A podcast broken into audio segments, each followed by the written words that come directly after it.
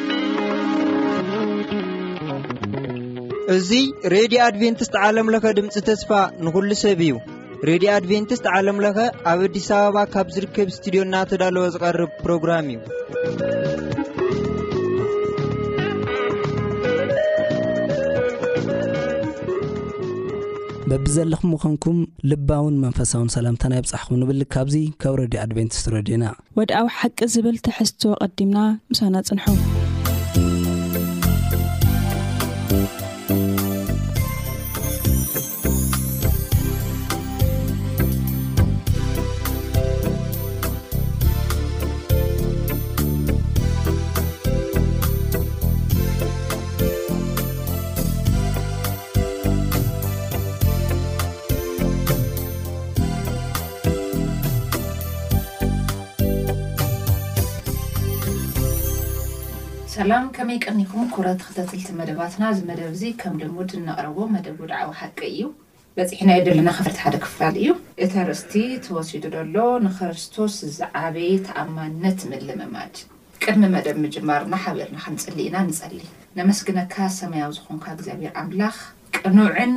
ርህሩህን ፍጹምን ኣምላኽ ስለ ደለኻና ስሌና ስለ ለይትታኸስ ስለ ዘይትድቅስ ነመስግነካ ኣብቲ ናሃትካ ህላወ ከንነብር ክኣ ኩል ግዜ ቃልካ ስለ ትልእኸልና ነመስግነካ ነዚ ንዝሰምዑ ኩሎም ክኣ ከከም ዘድልዮም ከም ፍቓድካ ክትግለጽ ንምሕጸነካ ኣይትፈለየና ስለ ሽም የሱስ ኣሜን። መእተዊ ጥቕስና እምበኣር ተዋህበ። ኣብ ኤፌሶን ምዕራፍ ሽዱሽተ ፍቅዲ ትሽዓተ ዘሎ ሓሳብ እዩ ኣቱም ጎይቶት እውን ከምኡ ግበሩሎም እቲ ጎይቶኦምን ጎይታኹምን ኣብ ሰማይ ምህላው እሞ ኣብኡ ኣለዎ ገጽ ከም ዘየልዎ ፈሊጥኩም ምፍርራህ እደጉ ይብል ማለት እዩ እሞ እቲ መእተዊ ሓሳብና ዘሎ ኣብ 218 ዓ ም ብፈረንጂ ኣብ ዋሽንግተን ዲሲ ዝርከብ እቲ ቤት መጽሓፍቲ ናይቶም ሰባት ኣቓልቦ ዝሰሓበት ሓንቲ መጽሓፍ እያ ነራ እዛ መጽሓፍ እዚኣ ድማ ብባሮት ንዓመጽ ክለዓል ይኽእል እዩ ዝተባህለ ኩሉ ጥቕስታት ተሰሪዙ ግን ድማ ኣገዳስነት ንእምነት ከተስተሚር ተባሂላ ዝተዳለወት እያ። እዚኣ ኣብ ሽሕን ሸሞንተ ሚእትን ሸሞንተን ዓመተ ምህረት ብፈረጂ ማለት እዩ ዝተዳለወት መጽሓፍ ሒደት ኣብዚ ሒደት ኣብ ጥራይ ዘይኮነስ ዳርጋ ተስዓ ፐርሰንት ናይ ብሉይ ኪዳን ሓምሳ ፐርሰንት ድማ ናይ ሓድሽ ኪዳን ጽሑፋት እዮም ተሰሪዮም ነበሩ ካብቶም ሽሕን ሓደ ሚእትን ሰማንያን ትሽዓተን ምዕራፋት ክልተ ሚእትን ሰላሳን ክልተን ጥራይ እዮም ተሪፎም ዝነበሩ፣ እቶም ንእከያት መነባብሮ ባርነት ዘበረታትዑ፣ ነቲ ወንጌል ጥዑም ብስራት ዝህስሱን ጥራይ እዮም ተሪፎም ዝነበሩ። ካብቶም ዝተረፉ ድማ እዞም ብቐሊሉ ብጌጋ ክትርጎሙ ዝኽእሉ፣ ከም ኣቱም ግዙኣት፣ ነቶም ብስጋ ጎይቶትኩም ብፍርሃስት ብምንቅጥቃጥን ብገርነት ልብኹም ከም ንክርስቶስ ጌርኩም ተኣዘዝዎም ዝብል እዮም ተሪፎም። ይብለና ስለዚ ሎሚ ኣብ ዘበና ግዜና ድማ እቲ ዘገጥመና ዓቢ ብደሆ ኣብ ውሽጢ እቲ ኣብ ምሉእ መጽሓፍ ቅዱስ ቀሪቡ ዘሎ ትሕዝቶ ዛንታ ምድሓን ንኤፌሶን ሽዕራፍ ሽዱሽተ ካብ ሓደ ክሳብ ትሽዓተ ከነንብብ ከሎና እዩ። ጳውሎስ ነቲ ክብርታት ወንጌል ምስቲ ናይ እዋኑ ዝንቡዕ ማሕበራዊ ስርዓት ከም ዝሰማምዕ ገይሩ ከቕርቦ ከሎ ኢና ንዕዘብ ማለት እዩ። ስለዚ እዚ ሓሳብ እዚ ከምቲ ዝገለጽክዎ ማለት እዩ መጽሓፍ ቅዱስሲ ባርነት ዘበረታትዕ መጽሓፍ ኢሎምሲ ኣቕሪቦሞ ነይሮም። ኣብ ሽሕን ሸሞንተ ሚእትን ሸሞንተን ዓመተ ምህረት ማለት እዩ። ባርነት ዘባላታትዕ ማዕርነት ደቂ ኣንስትዮ ኮነ ማዕርነት ቆልዑት ሰብኡትን ስድራን ዘይኮነሲ ባርነት ዘባላታትዕዩ ማዕርነት ዝቃወም እዩ እዚ መጽሓፍ እዚ ተባሂሉ ክንደይ ሻዕ እዩ ተወቒሱ ነይሩ መጽሓፍ ቅዱስ ይገርመኪ ኢንፋክት ንክጠፍእ እውን ብዙሕ ጻዕሪ እዩ ተገይርሉ ነይሩ ኢንፋክት ኣይጠፍእ ናይ እግዚኣብሔር ቃል ስለ ዝኾነ ኣይጠፍእን ከጥፍዎ ስለ ዘይከኣሉ ግን ድሓርታይ ገይሮም ሓምሳ ፐርሰንት ሓምሳ ካብ ሚእቲ ናይ ሓድሽ ኪዳን ካብቲ ጠቕላላ መጽሓፍ ቅዱስ ሓደ ሽሕን ሓደ ሚእትን ሰማንያን ሸዓተን ጥቕስታት እዩ ዘሎ ካብዚ ሓደ ሽሕን ሓደ ሚእትን ሰማንያን ትሽዓተን ጥቕስታትሲ ናይ ሓድሽ ኪዳን ሓምሳ ሚእታዊ ዝኾነ ኣጥፊኦሞ እዚ ባርነት ስለ ዘባዳታትዒሎም ማለት እዩ ኣብ ብሉይ ኪዳን ከኣ ክንደዮም ኣጥፊኦሞ ኦልሞስት ናብ ቴስዓ ሚእታ ኣጥፊኦሞ ማለት እዩ ብጣዕሚ ዝገርም እዩ ስለዚ ዝጥፊኦም በቃ እዚ ሓዳሽ መጽሓፍ እያ ተባሂላ እዚኣ ጥዑም ብስራት እያ ተውሪ ተባሂላ ከም ዝቐረበ እዛ መጽሓፍ እዚኣ ኢና ንርኢ ማለት እዩ እና ብጣዕሚ ዝሕዝን እዩ ማለት እዩ ብርግጽ ሎሚ ብሓቂ ዶ መጽሓፍ ቅዱስ እ፣ መዓርነት ውሉድን ወላድን ኣብ መንጎ ባርያን ጭዋን መዓርነት ዶ ኣይሰብኽን እዩ ዝብል ዋና ኣርእስትና ዋና ከነትኩረሉ ዘለና ነገር እዩ ኣብዚ ሓሳብ እዚ እሞ እዚ ከምእተው ክቦ ዝደሊ ሓሳብ። ከም መእተዊ ሓሳብ ገሊጽካ ኔርካ ምኽሪ ንቆልዑት ጳውሎስ ግን ክመክር ከሎ ታይ እዩ ልብል ቶም ወለዲ ንደቆም ክቀጽዑ እንከለዉ ታይ እዮም ድገብርዎም ኣብ ናይ ሮምን ኣብ ናይ ግሪካውያን ዝነበረ ስልጣን ተቦ ዋላ ይዕወዩ ናይዞም ቆልዑት መብት ኣለዎ ድላዮም ክገብሩ። ታይ ይብል እመሲልካ ኣውዚ ኣብቲ ናይ ከምዚ ዓይነት ዕድመ ክልል ክወጽሑ ዋላ ዓብዮም ምናምን ኣብ ትሕቲ ኣቦኦም እዮም ብናይ ሮምን ግሪክን ሕጊ እዩ። እዚ ማለት ድላዮም ክእዝዙ ክገብሩ ኣይክእሉ መን እዩ ልእዙ ዘሎ ኣቦኦም እዩ ዝእዝዝ። ታይ ግን ክብል ደልዩ ከም ክርስትያን ግን ይብል ጳውሎስ ከም ማሕበር ደቂ ኣምላኽ ንደቁኹም ብቁጥዐ ደይኮነስ ብጥበብ ኣግንሕዎ መብቶም እንዳሰረቅኩም ክዛረቡ ከለዉ ምስማዕ እንዳነፈግኩም ደይኮነሲ ዝዛረብዎ ስምዕዎ ሽዑ ትክክል ከምዘይኮነ ንገርዎ ስለዚ እታ ክትኮኑ የብልኩምን ወለዲ ደቅኩም ክትቆጽዑ ከለኩም ብቁጥዐ ደይኮነሲ ብጥበብ እዩ ክከውን ለለዎ ልክዕ ከምታ ነብስኩም ልክዕ ንሰበይትኩም ከምታ እትበልኩማ ንደቅኩም ለከምኣ ግበሩ ምክናቱ ፍርያትኩም እዮም ሃፍትኩም እዮም ውሉድኩም እዮም። ታይ እዩ ናይ ባዓልኩም መግዛኣቲ ዋላ ዳኣ ይኩን እምበይ ብጥበብ እዩ ክከውን ደለዎ ናይ ባዕለይ እንድዩ ባዕለይ ከምድላየይ ገይረ ይቀፅዖ ደይኮነሲ ጥበብ እንድዩ በተለይ ከም ክርስትና ባዕለይ ለወለድኩዎ ታይ ይምልከተካ ዓይነት ኣመላልሳ ለይኮነ ክከውን ደለዎ እግዚኣብሔር ብዝፈቅዶ መንገዲ ጥበብ ብዘይጎደሎ መንገዲ ኢና ንደቅና ክቅንቀፅዕ ደለና እግዚኣብሔር እውን ክጥይቀና እያ ሓደ ማዕልቲ እንተወጽዮም ሓደ ማዕልቲ ክፉኣት እንተኾይኖም ናይዚ ውጽኢት እዚ ናይ መን እዩ ናይ ወለዲ ውጽኢት እዩ። ብደቂ ልተሳኸዐሎም ሓደራ ተለው ታይ እንዳግበሩ እዮም ንእግዚኣብሔር ቅድሚያ እንዳሃቡ እግዚኣብሔር ብዝፈቕዶ መንገዲ እንዳቐጽዑ። እሁድ መእተዊ እዛ ዝበልካያ ኮይና ድማ ኣነ ክህቦ ዝደሊ ኣብ ዘዳግም ምዕራፍ ሽዱሽተ ካብ ሓደ ክሳብ ሰለስተ እቲ ምኽሪ ካብ ቆልዑት እዩ ዝጅምር። እዞም ቁልዑት ዝብሎም ዘሎ መጽሓፍ ቅዱስ ክዛረበና ከሎ ንኣሽቱ ህጻናት ወይ ቲንኤጀር ኣብ ዓሰርተታት ዕድመ ዝርከቡ ጥራሕ ኣይኮነን ዓበይቲ እውን ክኸውን እዩ ዘለዎም ኢንፋክት ኣብቲ መጽሓፍ ቅዱስና እውን እንታይ እዩ ዝብል ውሉድ እዩ ዝብል ውሉድ ማለት ናይ ዕድመ ሬንጅ ይገብርን እዩ ወይ ትሕቲ ዓሰርተ ዘለዎ ወይ ኣብ ዓሰርተን ዒስራን ዘለዎ ወይ ዒስራን ሰላሳን ዘለዎ ኣይብልን እዩ ውሉድ ዝኾኑ እዩ ዝብል ምናልባት ሰብዓ ሰማንያ ዝገበሩ ምስ ኣዴታቶም ምስ ወለዶም ዝነብሩ ተኮይኖም እሶም እውን ውሉድ እዮም ስለዚ ካብ ወላዲኦም ዝርከብዎ እሶም ድማ ከም ውሉድ እንታይ ክገብርሎም እቲ ዝግብኦም ክገብርሎም ንምባል እዩ ስለዚ ውሉድ እንታይ እዩ ክገብር ዘለዎ ኣብዚ ሓሳብ መጀመርያ ዝተዋህበ ምክሪ ኣነ ግርም እያ ትብለኒ ስለ ውሉድን ወላድን ክዛረብ ከሎ ስለ ባርያን ጭዋን ክዛረብ ከሎ መጀመርያ ካብ ታሕቲ እዩ እቲ ሓላፍነት ዝጅምር ካብ ታሕቲ እቲ ውሉድ ኣብ ባርያን ጭዋን ከኣ እቲ ባርያ መጀመርያ ሓላፍነት ክዋጻእ ከም ዘለዎ እዩ። ሕጂ ብዙሕ ግዜ እዚኣ ከም ቀሊል ጌርና ክንሪኣ ኢና፣ ነገር ግን ቀላል ኣይኮነትን። ብዙሕ ግዜ ኣብ ስድራ ኮነ፣ ውሉድን ወላድን ዘሎ ርክብ ኮነ፣ ኣብ ባርያን ጭዋን ዘሎ ርክብ ኮነ ፍኹክር ይረኣ እዩ። እሞ ከምዚ ዘይገበርካ ደኣ እሞ ኣነ ከመይ ጌረ እየ ክእዘዘካ? እሞ ከመይ ጌረ እቲ ሓደ ካብዚ ይጽበ እቲ ሓደ ከኣ ካብኡ ይጽበ። ሕጂ ክልቲኦም ለውጢ ክጻበዩ ከይተለወጡ ይተርፉ ማለት እዩ። ተረዲኻኒ? ሕጂ መን እዩ እቲ ቀዳማይ ሓላፍነት ዘለዎ? ኣብ ሰብኣይ ኮ ኣብ ሰብኣይን ሰበይትን መን እዩ እቲ ቀዳማይ ሓላፍነት ዘለዎ ትሕት ክብል ዘለዎ መን እዩ ኣብ ውሉድን ወላድን መን እዩ ትሕት ክብል ዘለዎ መጀመርያ ሓላፍነት ዘለዎ ናይ ምልዋጥ መን እዩ እዚኣ ቤዚክ እያ ኣብ ባርያን ጨዋን ዘሎ ርክብ መን እዩ እቲ እቲ ሓላፍነት ዘለዎ መጀመርያ ክልወጥ ዘለዎ ቤዚክ እያ እዚኣ ጳውሎስ መጀመርያ ዝብሎ ኣብ ውሉድን ወላድና ሕጂ ንዛረብ ዘለና እቲ ውሉድ እዩ ሓላፍነት ዘለዎ እቲ ውሉድ እንታይ ዓይነት ሓላፍነት ኣለዎ ኣቱም ውሉድ እዚ ቁኑዕ እሞ ንወለድኹም ብጎይታ ተኣዘዝዎም። ኣቦኻን ኣዴኻን ኣኽብር ጽቡቅ ክኾነልካ ኣብ ምድሪ ዕድሜኻ ክነውሕ እዚ ተስፋ ዘለዎ ቀዳማይ ትእዛዝ እዩ። ሕጂ ብዚ ሓሳብ እዚ ኬድና ክንርኢ ከለና እቶም ውሉድ መጀመርያ ክእዘዙ ጥራሕ ዘይኮነ ካልኣይ ድማ ዝትዛረቦ ቃል ኣሎ እንታይ እዩ ዝብል ቃል እቲ ብጎይታ ተኣዘዝዎም እዩ ዝብል ብጎይታ ተኣዘዝዎም ማለት እንታይ ማለት እዩ? ንጐይታ ኸምቲ ትእዘዝዎ ጌርኩም፣ ንጐይታ ኸምቲ ትፈርህዎ ጌርኩም፣ ወይ ድማ ጐይታ ኸምቲ ዝነገረኩም፣ ከምቲ ቓሉ ጌርኩም ንዕኦም ተኣዘዝዎም እዩ። እዚኣ እያ እታ ሓሳብ እዚኣ፣ ብጐይታ ተኣዘዝዎ። እታ ሓሳብ እዚኣ ማለት እንታይ ማለት እያ? ብጐይታ ተኣዘዝዎ ማለት ንጐይታ ኸምቲ ትእዘዝዎ ጌርኩም። ሕጂ ብዚኣ ዓባይ ነጥቢ እውን ኣላ፣ ካልኣይቲ ነጥቢ፣ እታ ክዛረባ ዝደሊ። ንስኻትኩም ፍሉይ፣ ምሉእ ብምሉእ ነቦታትኩም ክትእዘዝዎ ትኽእሉ መጀመርያ ንጐይታ ክትእዘዙ ከለኹም ኢኹም እዩ። ዝብሎ ተሎ ምክንያት ብጎይታ ተኣዘዝዎ ምኑ እዩ ዝብል ዘሎ ንጎይታ ከምቲ ትእዘዝዎ ጌርኩም ንስኹም እውን ተኣዘዝዎም እዩ ስለዚ መን እዩ ዝቕድም ንጎይታ ተኣዘዝ መጀመርያ ንወለድኻ ምእንቲ ክትእዘዝ ንጎይታ ተኣዘዝ መጀመርያ ትኽክል ዝኾነ ምእዛዝ ትኽክል ዝኾነ ምኽባር ንወለድኻ ካበይ ዝጅመር ንጎይታ ካብ ምኽባርን ንጎይታ ካብ ምእዛዝን እዩ ዝጅመር እዩ ንጎይታ ከይፈራህኻ ንወለደይ ከኸብር እየ ትብል ተኮይንካ ሓሶት እዩ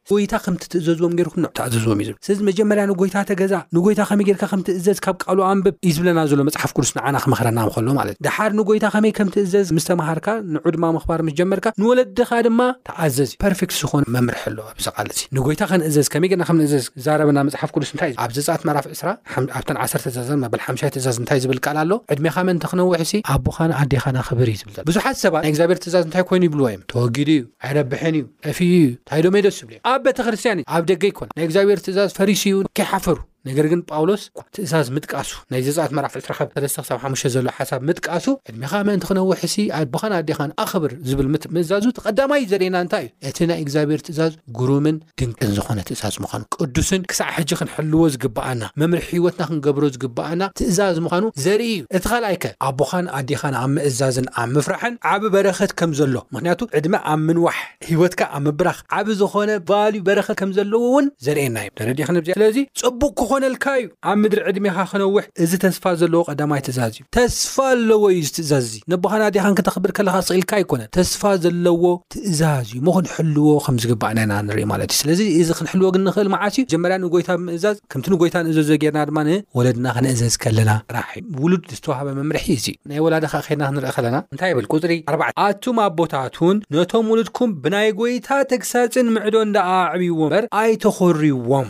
ሕጂ ኣብ ዝሓለፈ መደብና ሳሌም ዝተዛረብክዮ ሓደ ዓቢ ነገር ኣሎ ሮማውያን ኮነ ግሪካውያን ኣብ ወለዶምን ኣብ ኣንስቶምን ሕጋዊ ዝኾነ ስልጣን ኣሎም ክሳብ ምቕታል ክሳብ ምጥፋእ ሕጋዊ ዝኾነ ስልጣን ኣሎ ቀቲሎምሲ ኣይሕተቱን እዮም ብሕጊ ማለት ኣብ ክንዲ ስልጣን ካብዚ ዝተላዕለ ስድርኦም ኣቢዩዝ ይገብሩ ነይሮም እቶም ኣቦታት ነንስቶምን ንደቆምን ኣቢዩዝ ይገብሩ ነይሮም የሳቕዩ ነይሮም እዮም እዚ ነገር እዚ ከምቲ ኣብ ዝሓለፈውን ዝገለጽክዮ ብዛዕባ ሓዳር ክንዛረብ ከለና ዝገለጽክዮ ሓሳብ ጳውሎስ ጉጉይ ከም ዝኾነ ተረዲኡ ብመጽሓፍ ቅዱስ ክነግሮም ከሎ ኢና ንርኢ ጳውሎስ ኣብዚ ነገር እዚ ኣቦታት እንታይ ግበሩ ነቶም ውሉድኩም ብናይ ጎይታ ተግሳጽን ምዕዶን ደኣ እምበር ኣይትኾርዮም ይብሉ ኣብዚኣ ሕጂ እውን እንታይ ተገሊጻ ኣላ ብናይ ጎይታ ብዙሕ ግዜ ንሕና ደቅና ንቐጽዖም ወይ ድማ ንግስጾም ብስምዒትና ወይ ድማ በቲ ጫውጫው ክብሉና ከለዉ ስለ ዝረበሹና ጥራሕ ርግጽ እዩ መቕጻዕቲ እንታይ ዝብለና መጽሓፍ ቅዱስ ኣብዚ ሓሳብ እዚ ወሳኒ ዝኾነ ሓሳብ ገልጽ እዩ ብሸቦት ክንገርፎም ደቅና ይመኽረና እዩ ብኢድና ኣይኮነን ሕጂ ብዙሕ ግዜስ ንሕና ንደቅና ንሃርሞም ብምንታይ ይመስለኪ ሳሌም ብኢድና ኢና ንኹርኩሞም ብኢድ ኣይኮነን ዝብለና መጽሓፍ ቅዱስ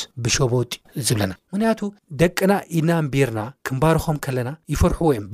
ብኢድና ኩሉ ግዜ ንሃርሞም እንተኮይና ኢድና ትሒዝና ክንባርኾም ተባረኽ ክንብሎም ከለና ይፈርሑ እዮም እቲ በረኸት እውን ከይተቐበልዎ እዮም ዝተርፉ ተረዲኽን ለኻይ መጽሓፍ ቅዱስ ንዑ እዩ ብኢድካ ኣይትህረም እዩ ዝብለና ሸቦጥ ኣይቀትሎን እዩ ስለዚ ብሸቦጥ ቅፅዓዮም እዩ ዝብል መፅሓፍ ቅዱስ ብኢድና ክንሃርሞም የለን ብሸቦጥ ምክንያት ኢድና በረከትን ቁጣዕን ታእሽሞ ከወርድ የብሉ ድሓርቲ ኢድና እቲ በረከት ክቕበሉ ከለዎን ኣይፈርሕዎን ብዝኾነ መቕፃዕቲ ይድግፎ እዩ መፅሓፍ ቅዱስ ምስ በልኩ እዚ መቕፃዕትን ተግሳፅን ግን ብምንታይ ክኸውን ዘሎ እዩ ዝብል ዛብዚ ወለዲ ክዛረብ ከሎ ብስምዒትካ ዘይኮነስ ብናይ ጎይታ ምዕዶን ተግሳፅን እዩ ዝብል ኣብዚኣ ልቢ በሊ ብናይ ጎይታ ቃል ሓደ በል እቲ ስታንዳርድኻ ክኸውን ዘሎ እቲ ሞዴልካ ክኸውን ዘሎ ናይ ጎይታ ቃል እቲ ካልኣይ ከዓ መዓስ ኢና ንግስፆምን ንምዕዶምን ብዙሕ ግዜ ንሕና ከም ሓበሻ ናይ ባህሪ ወይ ድማ ዝዓበና ተርእኺ ከጥፍእ ከሎ ሓደ ሰብ እንታይ ንገብሮ ወይ ንጸርፎ ወይ ንወቕዖ እዚ ትኽክል ኣይኮነን ምክንያቱ እቲ ቆልዓ ኣብቲ ዝተጋገዩ ኩሉ ግዜ ትሃርሞ ተኮንካ እንካ ሓደ ኣቦይ ኣብ ሂወተይ ነዚ ጌጋ እዩ ዝደሊ ክጋገ ከለኹ እዩ ጀው ዘብለኒ እምበር ንዕና ዘለዎ ኣይኮነን ብምባል ኣብ ክንዲ እቲ ምኽሪ ጠቕመኒ ኢሉ ምሓዝ ነብኡ ምጽላእን ካብ ኣቦኡ ናይ ምርሓቕን ነገር እዩ ዘምጽእ ማለት እዩ ስለዚ መዓስ ዳኣ ኢና ንግስጾምን ንምዕዶምን እናተጻወቱ ተሓጉሶም ኣብ ዝውዕልሉ ግዜ ኢና እቲ ዝግበርን ዘይግበርን ኣብ ሂወቱ ንሪኦ ጌጋታት ኣሎ እንዶ ሽዑ ንሓልፍ እሞ እንታይ ንገብር ኣለና ሕጉስ ኣብ ዝኾንሉ እዋን ሕልፍ ኢልና እዚኣ እኮ ኣይትግበርን ንምንታይ መስለካ ምስ ምኽንያት ፋክት ናይ ሎሚ ቆልዑት ምኽንያታውነት ዝኣምኑ ቆልዑት እዮም ንምንታይ እንታይ ገይረ ዝብሉ ሰባት እዮም ስለዚ ምስ ምኽንያት ምኽንያታውነት ፍሰመሎ ነገር ኮፍ ኣቢልና ክንመኽሮም ይግባል ኣብቲ ሽዑ ግዜ ነቲ ቆልዓ እውን ክርንዓ ይጠቕመኒ ኢሉ ዝሓስብ ምስ ኣቦ እውን ዘለዎ ርክብ ፅቡቅ ክኸውን ዝኽእል ከፍቅሮ ዝኽእል ማለት እቲ ሳልሳይ ድማ ኣይተኾርዎም ብዙሕ ወለዲ እዚ ኣግባብ ዘይብሉ ጸወታ ምስ ደቆም ይጻወቱ እዮም። ምስ ውሉድካሲ ላግጺ፣ ኣለክብሽ፣ ምብሻቕ፣ ንክናደድና ክሓርቕ ምግባር ጸወታ እኮ እዩ፣ ግን ቅጥዒ ዘይብሉ፣ ኣምላኽ ዜኸብሮ እዚ ኣይትግበሩ እዩ ዝብለና መጽሓፍ ቅዱስ። ኣይተኾርዩዎም እዩ፣ ከነኾርዮም የብልና፣ ከነብሽቖም የብልናን፣ እዚ ነገር እዚ ከነለማምዶም የብልናን እዩ ዝብል ዘሎ መጽሓፍ ቅዱስ ኬድና ንርኢ ኣለዋን። ስለዚ ናይ ወለዲ ሓላፍነት እዚኣ እያ። ደጊመ ከንብበልኩም እታ ጥቕሲ ብደንቢ ልቢ ጌርኩም ክትርእይዋ ምእንቲ። ኣቱም ኣቦታት ኢንፋክት ኣዴታት እውን ኣለዋ ኣብዚ። ነቶም ውሉድኩም ብናይ ጐይታ ተግሳጽን ምዕዶን ደኣ ኣዕብይዎም እምበር፣ ኣይተዀርይዎም ኢሉ ይዛረብ። ኣብ ናይ መጽሓፍ ሲራክ ልተጸሓፈ ታሪክ እኒኤና። ኣይሁዳውያን ዝበሃሉ ምስ ደቆም ክጫወቱ ኣይክእሉይ ለምንታይ ክንዕቆም እዩ ውላዶም ኣዘውቲርካ ግረፎ ሓደ ሕጊ እኒኤዎም ካልኣይ ከኣኒ ኣይትቅብጦ ዝሸክመ ክብደሉ ኣይሁዳውያን ሰባትን ከምከምኡ ዘተግብሩ ተግባራትን ጳውሎስ ብስነስርዓት እዩ ወቂስዎም። ኣጨዋውታኻ ኣስተኻኽል ከምቲ እንዳበልካዮ ነበርካ ስርዓት ምስኡ ክትዛረብ ከለኻ ክትዛረቦ ዝግበእካ ኢኻ ክትፈልጥ ደለካ እምበር ኣይተናእሶ ኣውለላ ከምዚ ንዕቐካ ጌርካ ንኸይትዛራብሲ ሎሚ እኮ ቆሉዑት ንዓበይቲ ርእዮም ልንዕቁሉ ዘመን በጺሕና ሓቀይ ስለምንታይ ለባማት እዮምያ በዘራርባ ብምኽንያት ብገለ ይኣምኑ ሓሊፎም ልኸዱ ቆልዑት ለለዉ ባይዘወይ ብጣዕሚ ንፉዓት ቆልዑታት ስለምንታይ ስርዓት ኣፍቲ ተማሂሮም ክመጹ ከለውስ ኣፍቲ ስርዓት ኣዲስ ልኾነ ኣቦ ይር እንተ ሃሊኹም ብቆልዕኖት ዘድልዮ ነገር ኣውግዑ ምስኡ ለምሳሌ ከይኸብዶ እንዳበልኩም ቃል ኣምላኽ ካብ ምምሃር ተርሕቕዎ ሽዑ መጨረሻ ታይ ይከውን። እታ ቃል ኣምላክ ተግሳጽ ስለ ትመስለኩም ኣይትነግርዎይ ሓቀይ ዶ ኣይነግርዎም እዩ ናይ እግዚኣብሔር ቃል ተግሳጽ ስለ ልመስሎም ንክብደሉ ኢና ደለና ስለ ልብሉ ታይ ይገብሩ ዓይኖም ሽዑ መጨረሻ እቲ ቆልዓ ላብ ምንታይ ይከይድ ክይተቀጽዐ ይዓቢ እሞ ፋሉል ይወጽእ ሓቀይ ዶ ስለዚ ክንቀጽዕ ከለና ጥበብ ብዝተመለኦ በትርስ ምንም ኣይብሎይ ግን ኣበይ ክንሃርሞ ከም ድግበእና ፈሊጥና ኣቀጻጽዓ ጥበብ ብዝመለኦ ክንዛረብ ክለና ከኣኒ ርእሶም ኣብ ልኮነ ቦታ ከይዶም ከም ዝፈርሑ ከም ዝሽበሩ ከም ዝገለል ኣይኮነ ክንገብር ደለናስ በቃ ስርዓት ብዝተመልኦ ሂወት ዝዘርኡ ኣብ ዝኸድዎ ስርዓት ዘለውን ሰባት ክኾኑ ኢና ጌርና ቀጽዒና ከነዕብዮም ዘለና by the way ኣብ ሓዳርን ኣብ ሃገርን ዘሎ ሕጊ ናይ እግዚኣብሔር ሕጊ እዩ ስለዚ ናይ እግዚኣብሔር ሕጊ ተተኸቢሩ ሓዳርን ስርዓት ደለዎ ኣነባብራ እዩ ዝነብር ሕጂ ኣብ ዓለምና ደሎ መዓት ስርዓት ኣልባ ስለልወጸ እዩ ሃገር ከንቱ ናብ ከንቱ ላብ ለይከውን ጾርነት ኣብ ለይከውን ኣቲና ደለና ስለዚ እዚ ወዲ እዚ ክንገብር ንኽእል እቲ ናይ እግዚኣብሔር ሕጊ ክንቕበሎ ከለና እዩ። ስለዚ ቆልዑት ትሰምዑ ኣለኹም እንተደኣ ኮይንኩም ነዊሕ ዕድመ ክህልወካስ እንታይ ግበር ኣቦኻን ኣደኻን ኣኽብር ኣንቱም ወለዲ ከኣ ንደቅኹም ነዊሕ ዕድመ ክነብሩ ዕድመኦም ከይሓጽር ታይ ድየ ድብል ብመገዲ ረሲኣ እንድየ ከደ እዩ ድብል ሓቀይ ብመገዲ ረሲኣ እትኸድ ኮይንካ ዕድመኻ ሓጺር እዩ ምኽንያቱ እቲ ትሰርሖ ስራሕ እዩ ሓጺሩ ዘቕምጠካ። ኣብ ዝቕጽል ባርነት ብመጽሓፍ ቅዱሳዊ ታሪኽ ይብሎ ሕጂ ውን ካብ ናይ ግሪክን ናይ ሮምን ዓለምን ይወጻኒ። ባርነት ክበሃል ከሎ ዳሎስ ባርያ ልብልዎ ብናይ ግሪካዊ ኣዘራርባ ዘረባ ታይ ይብል ጳውሎስ ዝሰብኽ ዝነበረ ንባርያታት ነጻ ልምውጻእ እዩ ከምዚ ካብ ሮም ወይ ካብ ግሪክ መግዛኣትና ኣይኮነይ ኣብ ኣመለኻኽታ ናይ ባርነት ምቕያር እዩ ምኽንያቱ ሓንቲ ሃገር ካብ ሓደ ሃገር ሓደ ሰብ ካብ ሓደ ሰብ እንዳውጻእኻ ኣይትነብር ትኽእል ኢኻ ካብዚ ናይ ናይ ሕሊና ባርነት ግን ኣይወጸይ ጳውሎስ ከመሓላልፎ ልደለየ ግን እቲ ናይ ሕሊናዊ ነጻነት ምውጻእ እዩ እቲ ዝገዝእን እቲ ተገዛእንሲ ናይ መን ባሮት እዮም ክልቲኦም ናይ እግዚኣብሔር ባሮት እዮም። ግን እቲ ባርያ ንብሎ ደለና ወይ ድሞ እቲ ገዛኢ ንብሎ ደለና እግዚኣብሔር ግን ጨቋኒ ኣይኮነይ እቶም ገዛእቲ ናይ ባሮት ግን ጨካናት እዮም ነይሮም ኣስሪሖም እንታይ ይገብርዎም ነይሮም ኣይከፍልዎም ካልኣይ ካኣ ንትሕት ኢልና ክንሪኢ ከለና ኣጓላት ተኾይነን መጥቃዕቲ ደቂ ኣንስትዮ ይፍፀም ኣወዳት ካኣ ልዕሊ ጉልበት ዝኾነ ስራሕ ክሰርሑ ይግበር ነይሩ ቆልዑት ኾይኖም ይሽወጡ ሽዑ ለይክእልዎ ስራሕ ይሰርሑ ናብ ለይከውን ዓለም ይኣትዩ ባይ ዘ ወይ ኣብ ናይ ዓሰርተ ትሽዓተ ክፍለ ዘመን ዝነበረ ዛንታ እዚ ለለይ ምዝካር እዩ እዚ ባርነት ልብል ቃል ሰብ ብዙሕ ግዜ ልፋለመሉ ደሎ ልርስዖ ደሎ ምክናቱ ባርነት ዓርሱ ዝክኣለ ከቢድ ቃል እዩ ነጻ ለይኮንካ ምንባር ማለት ከቢድ እዩ እሞ ንሕና ከም ክርስትያን ሳባት ሲ ከመይ ኢልና እዚ ነገር እዚ ንፋለሞ ብልብል ጳውሎስ ታይ ተጠቂሙ እግዚኣብሔር ነጻ ኣውጽእና ብምን ብሓደ ወዱ ስለዚ ባን ባርያን ዝብሃል የለን። ገዛእን ተገዛእን ዝበሃል የለን ኦረደ ንሕና እንታይ ኮይንና ኢና ብሓደ ክርስቶስ ተገዚእና ኢና ግን ንሱ ለይኮና ንሕና ንዛረብ ደለና ቀደማዊ መንነት ኣዳማዊ መንነትና ተሰሪቁ ነይሩ ብናይ ሓጥያት ባሮት ነይርና። ባይ ዘ ወይ ኣብዚ ሓሳብ ክህቦ ዝደሊ ዝተገልጸ ሓደ ሓሳብ ኣሎ ኣብዚ ናይ ሎሚ ጽንዓትና ማለት እዩ እሱ እንታይ እዩ ባርነትሲ ሕጂስ ቀኒሱ ዶ በዚሑ? ሕጂ ክልተ ዓበይቲ ሕቶታት ክሕተት ኣለዎ ቅኒታትና እንተ ቀዳማይ ባርነት ሕጂ ኣሎ ድዪ? ኣሎ ጥራሕ ዘይኮነ ሪሰርቻት ክዛረቡ ከለዉ ካብቲ ዝነበረ ናይ ግሪክን ሮማንን ናይ ግዜ ባርነት ብዝሓት ብኣርብዓ ፐርሰንት ወሲኹ እዩ። ኣብ ሕጂ ንነብረሉ ዘለና ልዕሊ ኣርብዓ ሚልዮን። ኣብዚ ትዌንቲ ፈርስት ሰንቹሪ ብዚ ዘመንዚ ግን ናይ ሎሚ ባርነት ካብ ናይ ቀደም ባርነት ይፍለይ ሲስተማቲካሊ እዩ ማለት እዩ። ሲስተማቲካሊ ባርያ ይገብሩኻ እዮም ብዝተፈላለዩ ኣብ ቀረባ ግዜ እኳ ዝሰማዕክዎ እንታይ እዩ ነንስቲ ይምጽኡ እሞ ኣብዚ ደገ ዘለዉ ካብ ሓበሻ ካብ ኣፍሪቃ ካብ ዝተፈላለየ ይምጽኡ እሞ ድሓር እንታይ ይገብርወን ሴክስ ሌቨር ይገብርወን ማለት እዩ ኣብኡ ከም ኣቕሓ እየን እሰን ብገዛእ ሰብነተን ተኣሽሙ ይገብራ እቲ ገንዘብ እሶም እዮም ዝወስዱ ከም ስታት ዓይነት ሕጂ ብ ዓለምና ንሪኦ ኣብ ታይላንድ ኣከባቢ ዝግበር ዘሎ እዩ ኩሉ ነገር ማለት እዩ እዚ ጥራሕ ዘይኮነ ብብዙሕ መልክዕ ባርነት ኣሎ እዩ ንሰብኦት እውን ከምኡ ዝገብርዎም መንገድታት ኣሎ እዩ ግን ካብዚ ወፃእ እውን ሲስተማቲክ ብዝኾነ ባርነት ኣሎ እዩ ሕጂ እውን እዩ ግን እንታይ ኢና ክንፈልጦ ዘለና? ጳውሎስ እንታይ እዩ ዝብለና ዘሎ? እታ ናይ መጀመርያ ሓሳብ ክዛረባ ዝደሊ ኣብ መጀመርያ ሓሳብ ዘንበብኳ ሓሳብ ኣላ ዘላን ምዕራፍ 25 ዘላ ከንበብ መጽሓፍ ቅዱስሲ ባርነት ይድግፍ ዶ ኣይድግፍን ትብል ሓሳብ መጀመርያ ንርኣያ ዝድግፍ ተኮይኑ ጽቡቅ ዘይድግፍ ተኮይኑ ቅጽል ስለ ዝደለኹ ኣብ ዘላን ምዕራፍ 25 ፍቅዲ 39 ክሳብ 4 ከምዚ ዝንበብ ሓውኻ ድማ ምሳኻ ከሎ እንተ ደኸየ፣ ርእሱ ኸኣ እንተ ሸጠልካ፣ ከም ባርያ ጌርካ ኣይትግዛኣዮ። ከም በዓል ዓስብን ከም ጽግዕተኛን ምሳኻ ይንበር፣ ክሳዕ ዓመት እልልታ የገልግልካ፣ ሽዑ ንሱ ደቁ ምስኡ ኻባኻ ሓራ የውጽኣ እሞ፣ ናብ ዓሌቱ ይመለስ። ስለዚ ሰብ ሰብ ባርያ ክገብር መጽሓፍ ቅዱስ ኣይድ ኣብ ሶፎንያስ እውን ኣሎ፣ ምዕራፍ ሓደ ኬድኩም ኣብ ትርእይሉ እዋን እውን፣ እግዚኣብሄር ነቶም ባርያ ክገብሩ፣